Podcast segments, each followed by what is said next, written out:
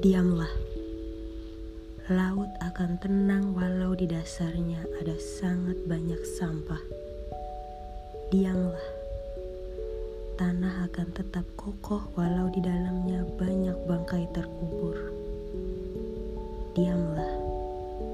Gunung akan tetap sejuk walau di dalamnya adalah hara panas meluap-luap. Diamlah. Sembunyikan. Pendam. Semakin dalam, semakin tidak terlihat di permukaan. Tapi, apa pun yang dipendam terlalu lama akan meluap ke permukaan tanpa bisa dikendalikan. Laut bisa meluap, menenggelamkan daratan dengan sekali sapu. Tanah bisa berguncang, meruntuhkan segala dan gunung bisa menyemburkan lahan panasnya menyelimuti sekelilingnya.